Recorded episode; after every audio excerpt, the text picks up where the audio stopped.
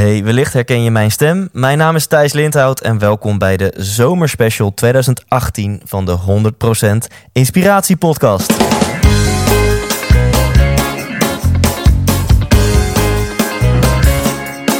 Hey, wat goed dat je luistert. Hij staat weer voor je klaar. Je wekelijkse dosis inspiratie is weer daar. Allerleukste gasten geven al hun kennis prijs. Met je veel te blije host, hij praat je bij. Zijn naam is Thijs. Thijs, Thijs, Thijs, Thijs, Thijs. 100% Thijs. Ja, welkom, welkom, welkom bij deze zomerspecial. Ehm, dit wordt een Thijs-only aflevering. Dus als je geen zin hebt om, ja, wat zal het zijn, 10, 20, 30 minuten naar mijn stem te luisteren... eh, ja, dan kun je nu beter een andere podcast aan gaan zetten. Maar ehm, ja, laat er maar vanuit gaan dat je daar... ehm, dat je wel gewoon lekker blijft luisteren. Want ik ga een aantal toffe dingen met je delen.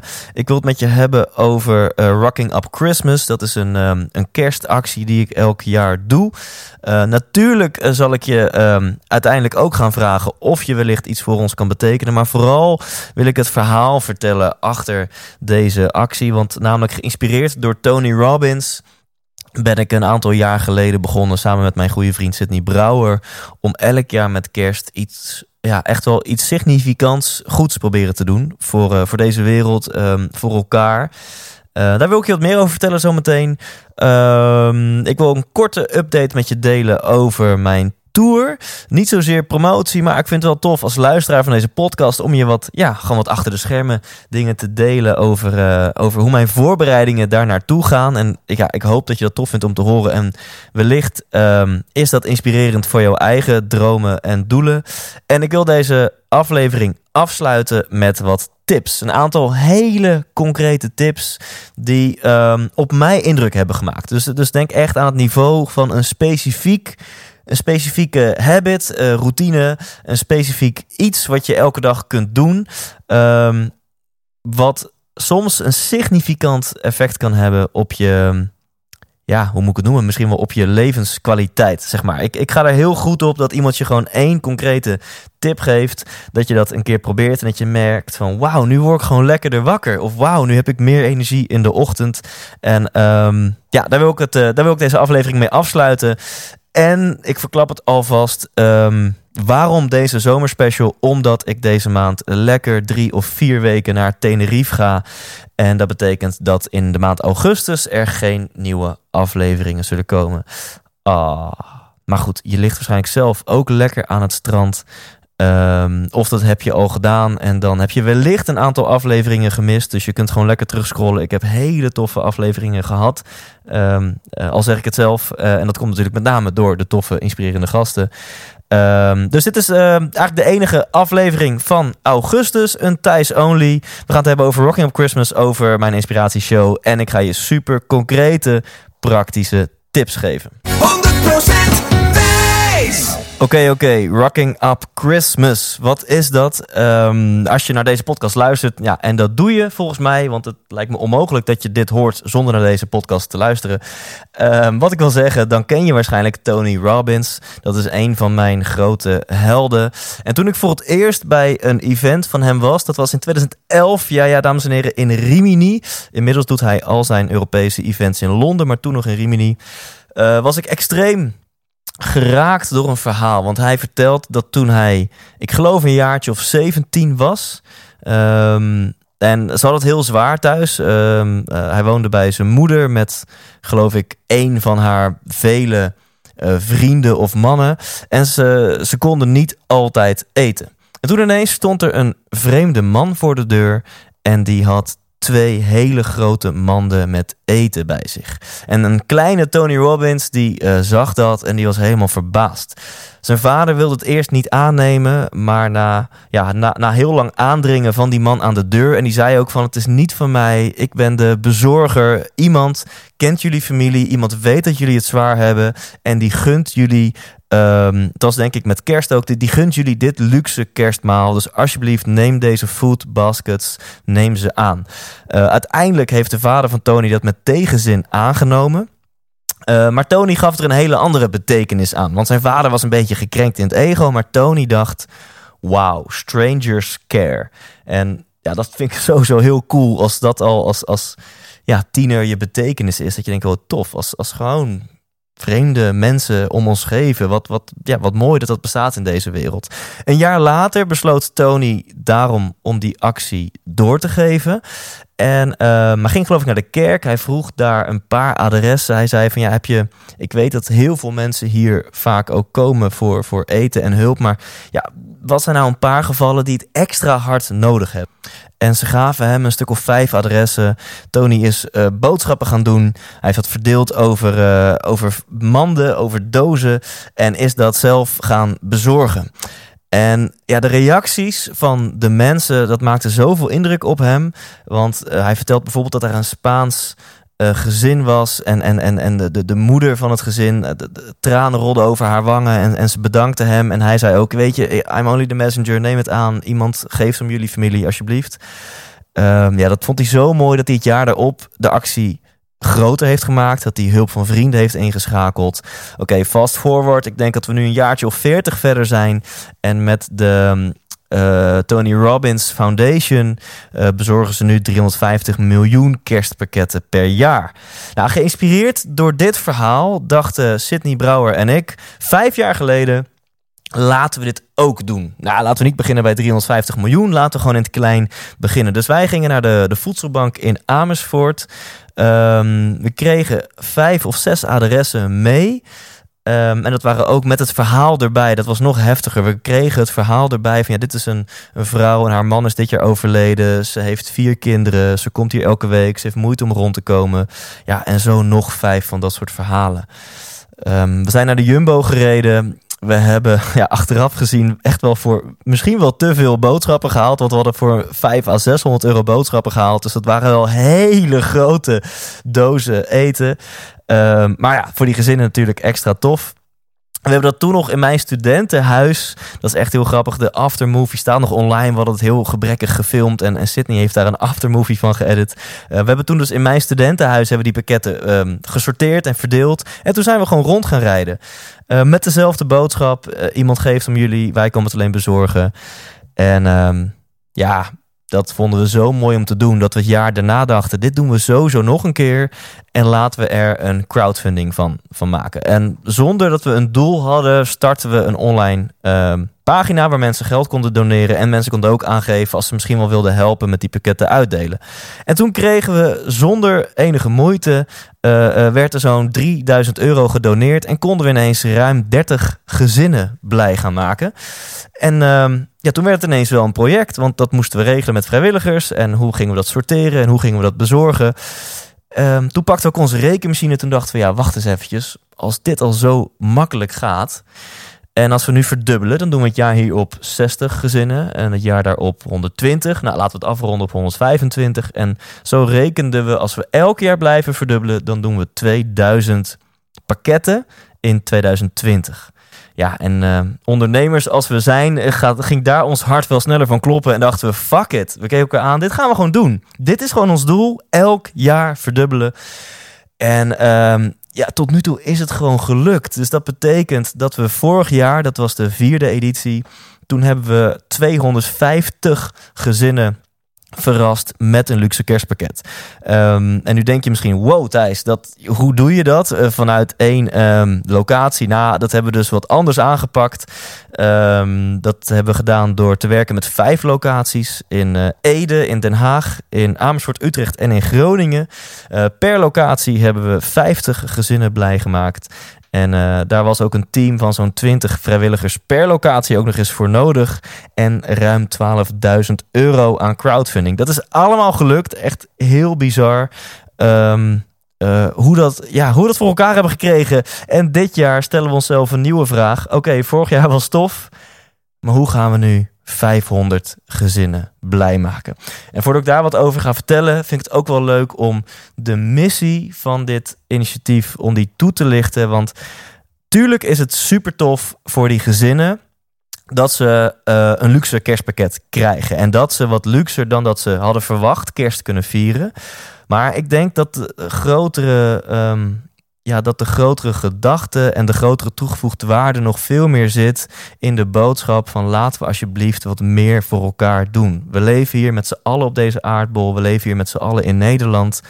In het groot, in het klein, help elkaar. Dat kan met je tijd, dat kan met je geld, maar dat kan ook met je energie of met aandacht of met een goede tip of whatever. Dat is eigenlijk het grotere gedachtegoed wat we met onze locatiemanagers, met onze vrijwilligers, met onze dit hele initiatief willen, willen uitdragen. En dan is dit maar een middel, zeg maar het uitdelen van die pakketten, is maar een middel om te laten zien hoe je anderen kunt helpen. Daarom zit er ook bij het pakket nog steeds een briefje waarop staat: uh, dit is van een anonieme gever. Iemand gunt jullie uh, deze luxe fijne kerst en hij of zij hoopt dat als je zelf ooit in de gelegenheid bent om deze actie door te geven, om dat dan ook te doen.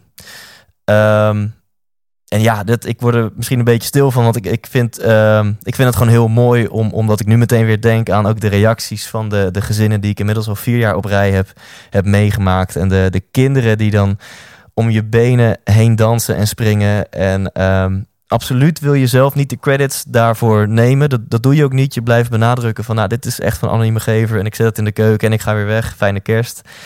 Ehm, maar het is gewoon heel mooi mee te maken. Dus check vooral ook uh, de, de aftermovie van vorig jaar en het jaar daarvoor. Dan krijg je een beetje mee hoe dat uh, in zijn werk gaat. Um, dit jaar gaan we dus naar 500 gezinnen. Dat betekent dat we dit jaar naar 10 locaties gaan. De locatiemanagers zijn inmiddels al bekend. Dat betekent dat we dit jaar ruim 20.000 euro, nou, ik denk zelfs al 25.000 euro op moeten halen. En um, ja, dat lukt ons niet alleen. Daarvoor hebben we je hulp nodig. En dan komt nu een korte pitch. En wel een hele leuke pitch, want we willen er ook iets terug voor doen. Want het is de jubileumeditie. Dit is het vijfde jaar. We lopen gewoon op fucking schema. Als dit jaar lukt, gaan we volgend jaar naar duizend gezinnen. En dan is het daarna al 2020. En dan pakken we gewoon die 2000. Dat gaat lukken. Linksom of rechtsom, dat gaat fucking lukken. Daar ben ik van overtuigd. Um, en dit jaar gaan we een grote benefiet organiseren. Nou, weet ik niet wat jouw associatie bij een benefiet is. Um, ik hoor van sommige mensen dat ze bij een benefiet denken aan een beetje rotary, rijke lui, aan ronde tafels die heel veel geld uitgeven. Anderen denken bij benefiet juist weer aan kindjes die limonade verkopen. Nou, dat is het allebei beslist niet. De Rocking Up Christmas Benefiet is een grote inspiratieshow. Vol humor en inspiratie. En dan denk je, Thijs, dat klinkt als jouw show. Nou, dat is het niet. Ik zal absoluut, zal ik zelf ook een mini-versie van mijn show doen. Maar het programma gaat veel verder dan dat. Deze benefiet gaat plaatsvinden op maandag 17 december in theater De Flint in Amersfoort. En De Flint heeft 700 stoelen. Um, dus we willen daar met 700 mensen een unieke avond neerzetten. Um, dan over het programma. Ik kan er nog niet heel veel over zeggen. Behalve dat onze goede vriend Pieter van de Hoge Band de avond aan elkaar gaat praten. Hij heeft al toegezegd. Thijs, dit kom ik gewoon voor jullie doen. Uiteraard pro bono, want ja, het is natuurlijk voor het goede doel. Niet dat je denkt dat we een paar duizend euro uh, daar gaan kwijt zijn. Nee, alles moet natuurlijk gewoon uh, kosteloos en pro bono. Um, dus hij komt de avond aan elkaar praten. En um, nou, je weet inmiddels wie ik allemaal heb geïnterviewd. Dus ik denk dat je wel kan raden met welke mensen ik op dit moment in gesprek ben. Om te checken of zij misschien ook een rol willen spelen. Wellicht dat Jan Veen een liedje komt spelen op de vleugel. Wellicht dat Angela Groothuizen uh, een liedje komt zingen. Wellicht dat misschien wel een cabaretier nog een stukje komt doen. Geloof me, het gaat een toffe, unieke avond worden. Nou, en hoe gaan we nu die 700 plekken vol krijgen? Dat gaat ons niet lukken door losse kaartverkoop. Dat gaat ons alleen lukken door grote deals te sluiten, door er business deals van te maken. En die deals zijn nu geopend. Dus als je. Uh, als je dit hoort en je bent ZZP'er of ondernemer, of je hebt wat geld over, of je ons graag steunen, dan zijn er een aantal opties. Je kunt namelijk voor uh, eh, 1000 euro kun je 25 eerste rangs tickets kopen. En ik denk dat dat een hele mooie optie is als jij een business hebt waarbij je veel klanten hebt, waarbij uh, je Um, ja, misschien een, een, online business, misschien heb je veel mensen op je mailinglijst staan. Dan kun je dus die 25 tickets gaan verloten of weg gaan geven onder jouw klanten of je medewerkers of je relaties. En van die 1000 euro gaat dikke drie kwart rechtstreeks naar Rocking Up Christmas. Ja, en één kwart, dat hebben we nodig voor het organiseren van die avond. Zeg je van, nou Thijs, um, ik, ik, ik heb niet 25 mensen aan wie ik die kaarten weg kan geven. Ik wil eigenlijk met mijn team of met een paar goede relaties wil ik gewoon een kwalitatieve avond hebben. Dan kun je kiezen voor uh, een ander pakket. Die kost 1500 euro. Dat zijn zes VIP-tickets. Dat zijn uiteraard wederom eerste rangs tickets. Uh, met een luxe drie gangen diner, flesje wijn erbij, uh, een borreltje achteraf. Alles is inbegrepen. En als je echt wilt uitpakken, dan zijn er nog twee andere opties. Voor 2000 euro krijg je uh, 75 tickets. Of voor 2500 euro krijg je 12 uh, VIP-tickets met dus dat drie gangen diner. En dan krijg je ook een fotomoment en een meet and greet met alle sprekers en een backstage tour. Nou, dan ben je gewoon helemaal onderdeel van, uh, van het event en dan gaan we je compleet in de watten leggen. Um, ik ben me ervan bewust dat dit hoge bedragen zijn. Ik ben me er ook van bewust dat als het lekker gaat met je onderneming, dat een duizend euro of misschien wel meer, dat dat best wel er vanaf kan. Dus vind je het tof om ja, vooral heel veel gezinnen blij te maken. Een pakket kost vijftientjes. Dus hè, je maakt met jouw donatie gewoon tientallen gezinnen. Maak je blij. Je zorgt ervoor dat die een onvergetelijke kerst hebben. En ik vind het zo leuk dat we er dus iets voor terug doen. Tegelijkertijd heb je een unieke avond met je medewerkers, met je relaties. Of wellicht met je hele familie, mag natuurlijk ook. Um, en uiteraard zorgen we voor exposure. Komt jouw logo in de aftermovie op onze website, et cetera. En um, we hebben best wat persaandacht gekregen afgelopen jaren. We hebben een keertje bij Omroep Max live in de uitzending gezeten. Um, en uh, Hart van Nederland, die, uh, die heeft een keer heel positief gereageerd. Dus als je dit doet, dan zou het zomaar eens kunnen zijn dat jouw logo ook gewoon uh, vaak te zien is. En als je nu denkt, Thijs, waar kan ik hier meer informatie over vinden? Dat is op thijslindhout.nl slash rockingupxmas. Uh, en ik zet ook in de show notes van deze podcast gewoon het linkje Um, ja, dat lijkt me gewoon super tof. De, de, eerste business deal is al verkocht. Ik weet niet of ik het mag verklappen, maar fuck it, dan doe ik het toch. Dat is Albert Sonneveld, tevens ook mijn coach een tijdje geweest. Die zei meteen, Thijs, ik doe zo'n business deal en ik ga die tickets verloten onder uh, mensen die op mijn mailinglijst staan. Ja, uh, dat vind ik super bijzonder. Ik hoop dat jij dat ook wilt gaan doen. En op deze manier ehm, ja, maken we er een mooie kerst van voor 500 gezinnen. Nou, volgens mij heb ik daar wel genoeg over gezegd. Uh, excuses als je wat lang vond. Maar ik hoop dat je mijn passie en mijn enthousiasme hoort. Uh, ik hou gewoon van zo'n win-win. En een toffe avond. En, en gezinnen helpen. En nou, et cetera. Ik wil je ook een um, updateje geven over mijn eigen show. De 100% inspiratie show. En um, wellicht heb je wel eens een interview gehoord met mij. Dan, dan weet je er misschien al wat meer over. Heel kort, hoe is dit ontstaan? Uh, ik ben altijd drummer geweest. Dus ik heb op mijn, wat is het, op mijn zestiende geloof ik, heb ik een drumstel gekregen. En toen ineens ontstond daar een Thijs die zo ontzettend gemotiveerd was. Die Thijs had ik nog nooit eerder in mijn leven gezien. Ik zou en moest twee uur per dag drummen. Ik weet het nog zo goed. Ik zat in, wat is het, drie, vier HAVO. Ik had mijn krantenwijkje. Dus na school was het tussen vier en vijf nog even die kranten bezorgen. En daarna twee uur drummen. Nou, dat kon vaak niet thuis, want ja, buren en zo. Dus ik fietste vaak voor of na het avondeten naar de popschool in Amersfoort. Dan moest ik eerst nog mijn drumstel uit een kast halen, die opbouwen. Dan kon ik twee uur oefenen, mijn drumstel weer afbouwen en naar huis fietsen. Nou, en dat heb ik een jaar of vijf gedaan. Uh, in die tijd zat ik in ontzettend veel beentjes. Ik heb mijn winkansen gespreid. Ik dacht, als ik in vijf beentjes tegelijkertijd zit, dan zal één van die bands vast wel doorbreken. Nou, dat is niet helemaal gelukt. Een keertje bij 3FM gespeeld en wat leuke festivals gedaan. Een voorprogramma van Kane, maar daar is het wel bij gebleven. Uh, en later ben ik verliefd geworden op persoonlijke ontwikkeling. Uh, ben ik al die seminars gaan volgen. Um, um, ben ik uiteindelijk natuurlijk ook met deze podcast begonnen. En was ik ineens inspirerend spreker van beroep. En toen zat ik achter mijn bureau, een paar jaar geleden. En ik dacht, ja, weet je, ik vind het spreken heel tof.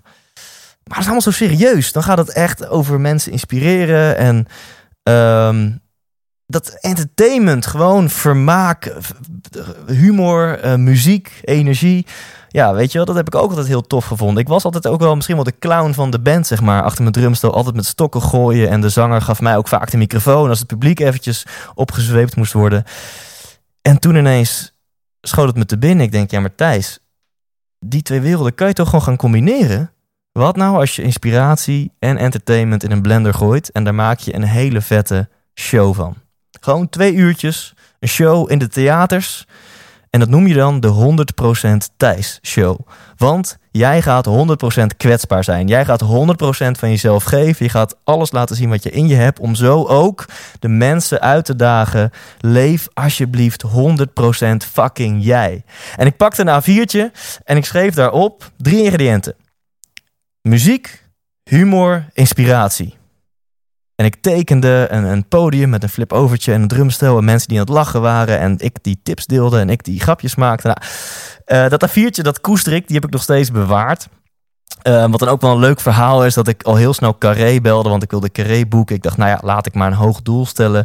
Maar goed, dat is alweer een ander verhaal. Uiteindelijk uh, heb ik Carré niet door laten gaan, omdat ja, eh, ik weet niet of ik stoer kan zeggen dat het was gelukt, want dat weet ik namelijk helemaal niet. Maar ik heb na een tijdje bedacht van ja, ik kan wel heel hard toewerken naar één keer een vol carré.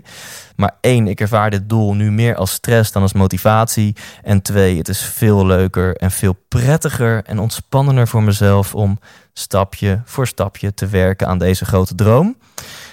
En ik voel dat de kans zeer aanwezig is dat ik een keer in Carré ga staan. Misschien ga ik zelfs wel een keer in de Avals Live of de Dome staan. Ik zie het voor me. Ik denk er regelmatig aan, bewust of onbewust. Maar nu focus ik me gewoon op vandaag. Welke stapjes kan ik nu zetten? Kan ik misschien een kleine show of een try-out doen over een paar maanden? Kan ik misschien voor vrienden en familie iets doen? En zo is het een paar jaar geleden dus begonnen. Uh, uh, heb ik voor het eerst een theater geboekt en uh, stond ik daar met de 100% Thijs show. Nou, na een tijdje merkte ik ook wel dat ehm, vrienden en familieleden de show wel hadden gezien. En ik was niet bekend of zo. En niet dat ik bekend wil zijn, maar ja, ik wil wel graag mijn zalen vullen. Want ik denk dat ik een toffe show in elkaar heb gedraaid. Uh, ik heb gewoon ontzettend veel geïnvesteerd in, in die seminars, masterminds, coaches. En ik, ik heb daar best wel wat van geleerd. Uh, um, um, dus ik denk dat ik een, een hele mooie boodschap heb die ik kan delen op een manier die ook nog eens leuk is. Met gewoon veel muziek, humor, interactie, gekkigheid. Nou, en um, uiteindelijk ben ik toen deze podcast begonnen en nu twee jaar later, hè, dus twee jaar geleden heb ik een paar shows voor, uh, voor mijn uh, familieleden en vrienden gedaan. En nu twee jaar later begon ik dit voorjaar voor het eerst met uh, weer een aankondiging dat ik deze show ga doen. En alle shows dit voorjaar waren helemaal uitverkocht. Dat was voor mij super bijzonder. Afgelopen 11 maart een try-out in Amsterdam uitverkocht. Afgelopen 21 maart een show in Wijk bij uitverkocht. Afgelopen 6 juli een show in uh, Hartje Amsterdam uitverkocht. En um, ja, weet je, ik hou van dromen, ik hou van doelen stellen. Daarom ga ik dit najaar ga ik een, uh, een tour doen voor het allereerst. En om eerlijk te zijn, uh, en dit bedoel ik een beetje in mijn intro, van ja, fuck it, laat ik mijn onzekerheden ook maar eerlijk delen. Ik, ik, ik scheet echt alle kleuren. Ik denk van ja, nu ben ik een paar maanden gebruik ik al mijn marketingkracht die ik heb om een show vol te krijgen van 150 tickets. Um, en ook nog eens in Midden-Nederland, centraal. Ja, nu ga ik een tour doen. Ook in Rotterdam, in Eindhoven, in Groningen, in Houten.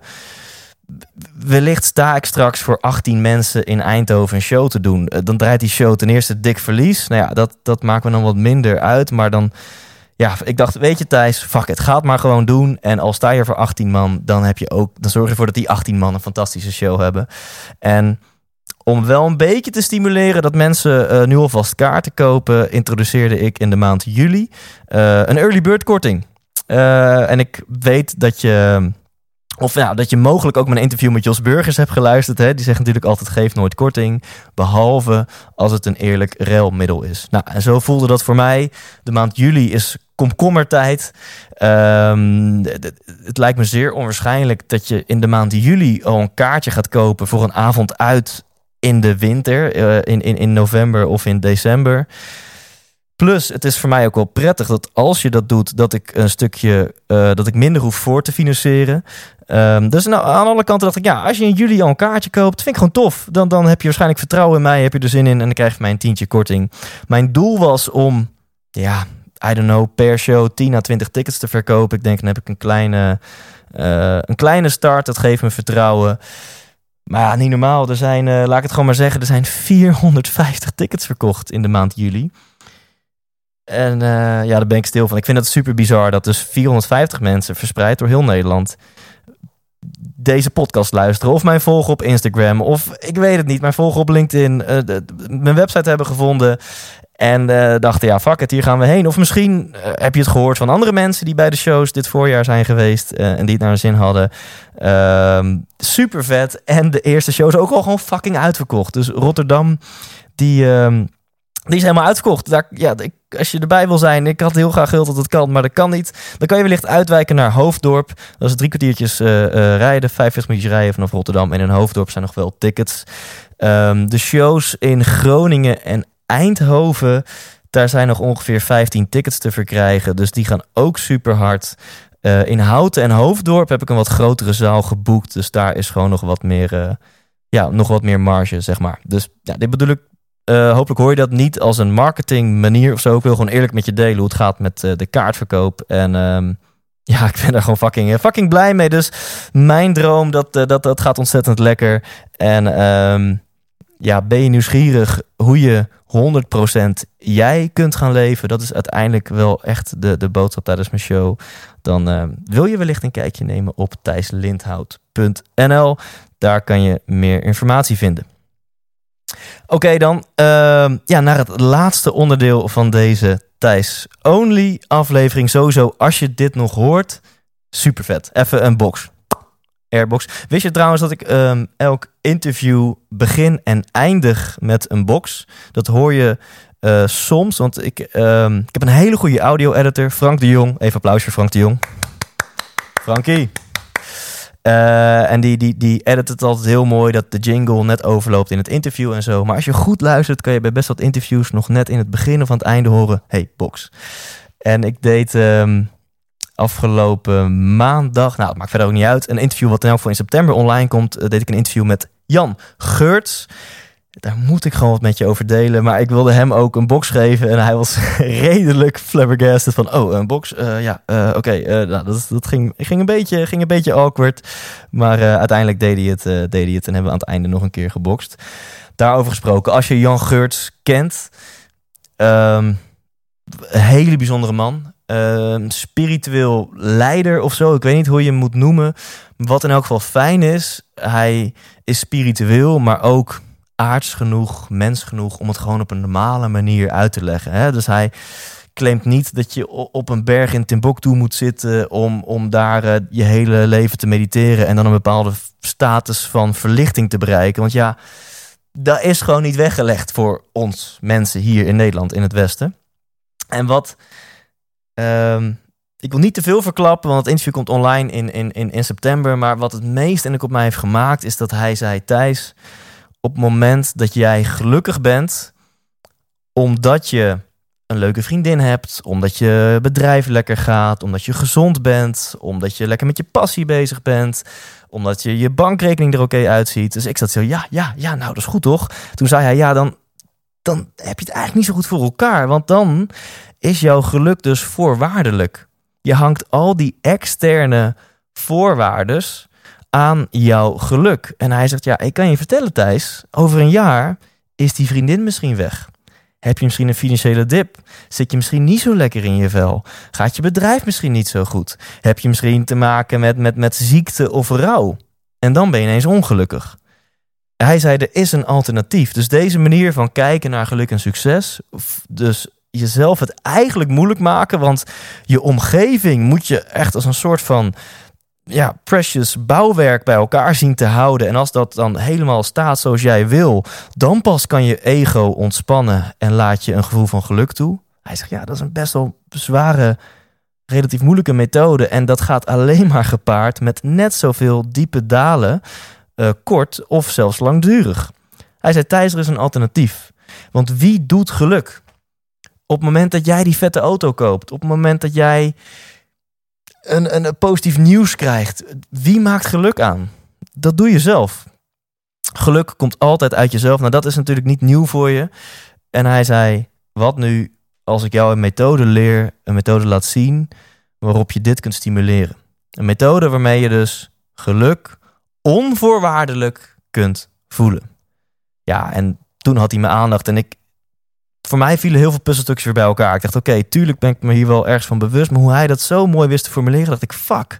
En ik ben sindsdien ben ik er elke dag mee bezig van ja. Oh, waarom ben ik nu blij? Oh ja, omdat net een paar tickets verkocht werden. Oh, ik ben nu blij omdat, weet ik veel. Dus telkens extern, extern. Dus ik ben mezelf nu best wel scherp aan het houden van... hé hey, Thijs, ja, dat is, dat is telkens wel een beetje dopamine of endorfine najagen. Ehm, misschien kun je het meer uit jezelf halen. Nou, en dan de vraag hoe dan? Ja, dan is toch wel het sleutelwoord mediteren. En Jan Geurts zelf, hij heeft uh, soms wel acht maanden lang retraites gehad in Frankrijk. En toen zei ik tegen Jan, ja Jan, dat is heel schattig en tof en inspirerend. Maar dat werkt niet voor mijn luisteraar. Die heeft niet de mogelijkheid. Ik denk dat de meeste luisteraars niet de mogelijkheid hebben om nu uh, even acht maanden tussenuit te piepen en te gaan mediteren. Dus als dat de manier is om verlichting te bereiken, ain't gonna happen. En toen zei hij, nee Thijs, al begin je met drie keer per dag vijf minuutjes. En je hoeft er ook niet goed in te zijn. Het is ook geen wedstrijd, maar begin eens met drie keer per dag vijf minuutjes, telefoon uit, je smol houden en gewoon even zijn. En weet je, het gaat dan dus niet om die drie keer vijf minuten. Misschien zijn die drie keer vijf minuten helemaal niet zo leuk. Misschien heb je daar discipline voor nodig. Misschien heb je er geen zin in. Maar het effect zit hem veel meer in die andere 23 uur en 45 minuten.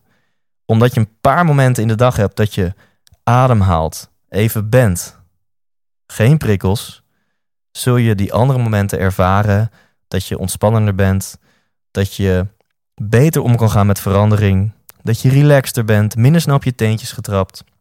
En hij zegt Thijs, Uiteindelijk kun je dat uitbouwen en kun je daar beter in worden. En je kunt natuurlijk ook zijn programma volgen als je dat wilt. En ja, gewoon naar gelang jouw ambitie reikt, kun je ja, streven naar een bepaalde mate van, van verlichting of naar een bepaalde mate van ja, geluk uit jezelf halen. Ik zelf denk dat het dus gaat om een balans. En ik durf op dit gebied absoluut toe te geven dat ik niet in balans ben. Ik haal mijn geluk nog veel te veel uit externe factoren. Als mensen mij vragen hoe gaat het met je, zeg ik natuurlijk altijd intens voor de mensen die mijn show hebben gezien. Um, en dan misschien doe je het zelf ook. Daarna ga ik toelichten op alle gebieden hoe mijn leven eruit ziet. Oh ja, ik heb een leuke date gehad en uh, ja, mijn bedrijf gaat best wel lekker. Oh, podcastje gaat door de lucht. Oh, weet je, en dan uh, lekker gesport. Maar ja, dan ben je dus aan het opnoemen. Oh ja, omdat externe dingen goed gaan, gaat het goed met mij. Uh, dus ik vind zeker dat als het gaat om balans, dat ik wat meer die andere route mag gaan ontdekken. En laat ik eens beginnen met s ochtends een paar minuten mijn bek houden en, en mediteren. En zoals Jan dat heel mooi zei, hij zegt: Weet je, jouw route naar verlichting, het begint met vriendelijk zijn voor jezelf.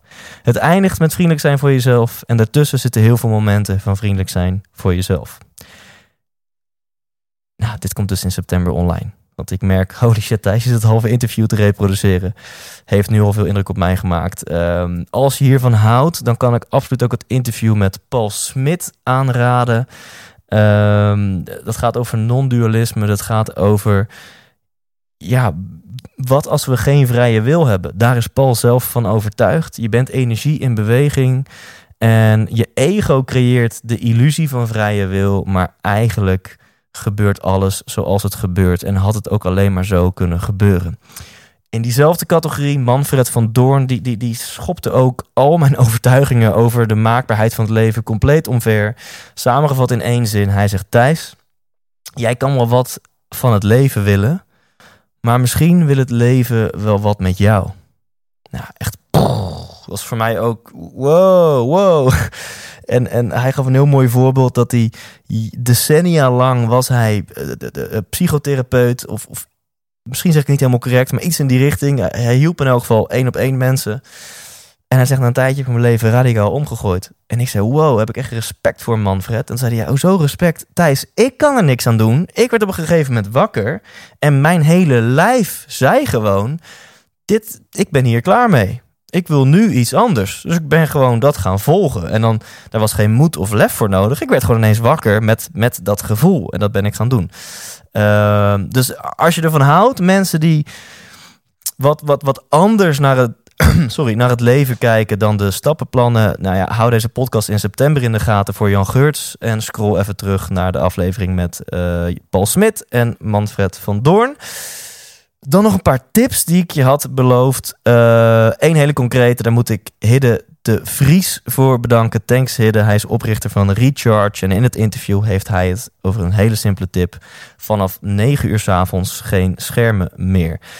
Ik weet niet hoe het met jou zit, maar ik ben daar dus fucking gevoelig voor. Als ik nog op mijn telefoon zit vlak voor het slapen, dan slaap ik onrustig. Dus ik, heb, eh, ik ben hiermee gaan experimenteren. Ten eerste merk je hoe fucking verslaafd je bent aan dat ding. Want dan doe je je telefoon uit, vliegtuigmodus, leg ik hem in de oplader. Ergens ook niet in mijn slaapkamer, gewoon ergens in de woonkamer, op de keuken of zo. Op, op het aanrecht bedoel ik. Ehm, en daarna is het eerste wat in je opkomt, oh even Netflixje. Oh even, nee wacht even, dat is ook een scherm. En wat ik het mooie hieraan vind, hè, als, je, als je met mij de uitdaging aan wil gaan om dit af en toe te doen. Ik, ik, ik probeer het door de weeks uh, zoveel mogelijk te doen. Dan één, je merkt dus dat je melatonine aanmaak eerder start, waardoor je waarschijnlijk sneller, makkelijker in slaap komt en beter en dieper slaapt. Maar het tweede voordeel, daar, kwam ik pas in de praktijk achter. Als jij, ik, ik ga gemiddeld om 11 uur naar bed, dus als ik om 9 uur scherm uitdoe, is er nog twee uur tijd. Maar als alleen nog maar activiteiten overblijven die geen scherm vergen, dan blijven er eigenlijk alleen maar voedende activiteiten over. Denk aan een boek lezen. In mijn geval kan ik een beetje drummen achter mijn elektronische drumstel. Hebben de buren geen last van. Ehm, je kan gaan schrijven, gaan journalen of misschien je gedachten op een rijtje zetten. Je kunt, als er een partner in je buurt is, kun je misschien uh, met elkaar gaan vrijen. Ehm, je kunt een stukje gaan lopen, je kunt gaan sporten. Misschien wil je even mediteren. Of misschien merk je na een tijdje, ja, ik verveel me de pletter of ik ben toch al moe, ik ga zo wat eerder naar bed. En daar heb ik me zo verbaasd van, holy shit, als je gewoon geen scherm hebt, dan blijven er alleen maar activiteiten over die, die jou iets opleveren in plaats van dat je aan het consumeren bent. Nou, nog een tweede tip. Ik heb hem al een keertje eerder gegeven. En dan ga ik echt mijn smoel houden, want we gaan richting de 40 minuten. En zo, zoals je dit nog hoort. Respect, respect. Um, dat is maak ochtends je bed op. Zijn er nog vragen? Dit komt uit, de, uit het, ik geloof uit het leger of uit de mariniers. En wat blijkt, als je ochtends al zo'n simpele activiteit doet waar je eigenlijk geen zin in hebt, maar die wel achteraf goed voelt, dan um, zet dat een soort van standaard in jouw brein voor de rest van de dag. Zo van, hé, hey, ik heb al iets goeds gedaan en ik ga vandaag, ga ik dingen die belangrijk zijn, maar waar ik misschien een beetje tegenop kijk, die ga ik gewoon doen. Dus je gaat met een hele actiegerichte mindset op onbewust niveau ga je je dag in. Nou, sinds ik dit heb gehoord, ik, ik maak al jarenlang elke ochtend, dus meteen maak ik mijn bed op. En um, um, weet je hoe lang duurt het nou? 15 seconden. En het voelt gewoon goed. Ik, ik ben ook wel een visueel ingesteld iemand. Ik hou ook van de opgeruimdheid op kantoor, thuis en zo. Uh, dus ga ermee experimenteren. Ben je nieuwsgierig naar mijn hele ochtendritueel? Ik uh, douche koud. Ja, dat is nu met deze temperaturen is dat, is dat meer lauw. Want de leiding is zo warm. Dat, dat, is ook, dat, dat levert uh, helaas wat minder resultaat op. Maar ik doe het ook in de herfst en in de winter. Ik doe het al een jaartje of twee, tweeënhalf. Um, daarna nou ja, even afdrogen, aankleden, tanden poetsen, uh, gel mijn haar, uh, de usual. Daarna doe ik een paar push-ups, eigenlijk net zo lang tot ik niet meer kan. En daarna doe ik een oefening die ik ooit bij Tony Robbins heb geleerd, die ervoor zorgt dat je schouderbladen heel erg naar achter komen te staan. Dus die, die push-ups en die paar oefeningen, dat duurt echt 4, 5 minuten. Maar daarna ben ik al best wel aan het hijgen, want het is best intensief. En dan vind ik het lekker om in die hijg zeg maar te blijven, want je voelt dan je, je lichaam een beetje opgepompt en dat je uh, uh, ja, je voelt je lichaam, dat vind ik zelf. Ik weet niet hoe dat voor vrouwen is, maar als man vind ik dat een heel prettig gevoel, zeg maar. Dat je spieren wat, wat meer opgepompt zijn. En dat vind ik dan een ideaal moment om even mijn ogen te sluiten en kort.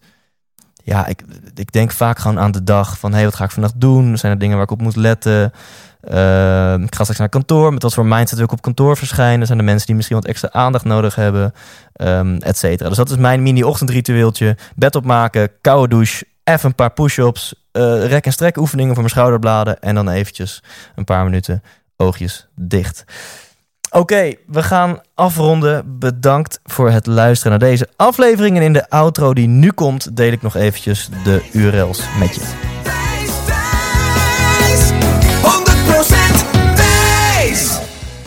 Oké, zoals beloofd ben ik hier nog heel kort eventjes. Wil je Rocking Up Xmas 2018, wil je ons steunen? We hebben gewoon 25k nodig. Als we die benefiet uitverkopen, hebben we dat bedrag helemaal binnen. Dus ik hoop dat jij een van de 10 of 20 mensen bent die met ons een business deal aan wil gaan. Die beginnen vanaf 1000 euro.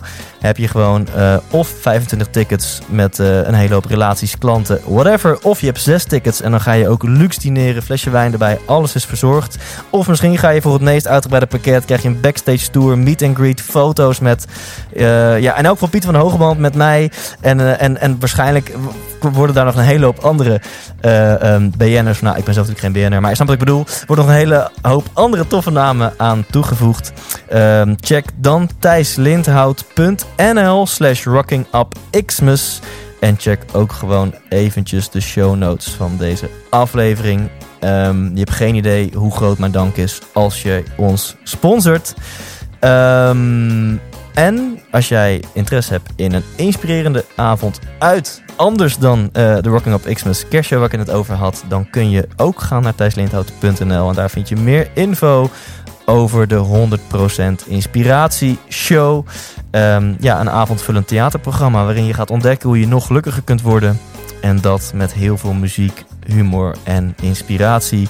Rotterdam is al uitverkocht, Groningen en Eindhoven nog een paar tickets. En in Hoofddorp en Houten, daar zijn nog voldoende tickets. Dat zeg ik ook gewoon eerlijk. Ik wens je een super fijne zomer. Ik um, hoop dat je deze aflevering tof vond. En um, wie weet gaan we elkaar zien bij één van de shows dit najaar. Ciao!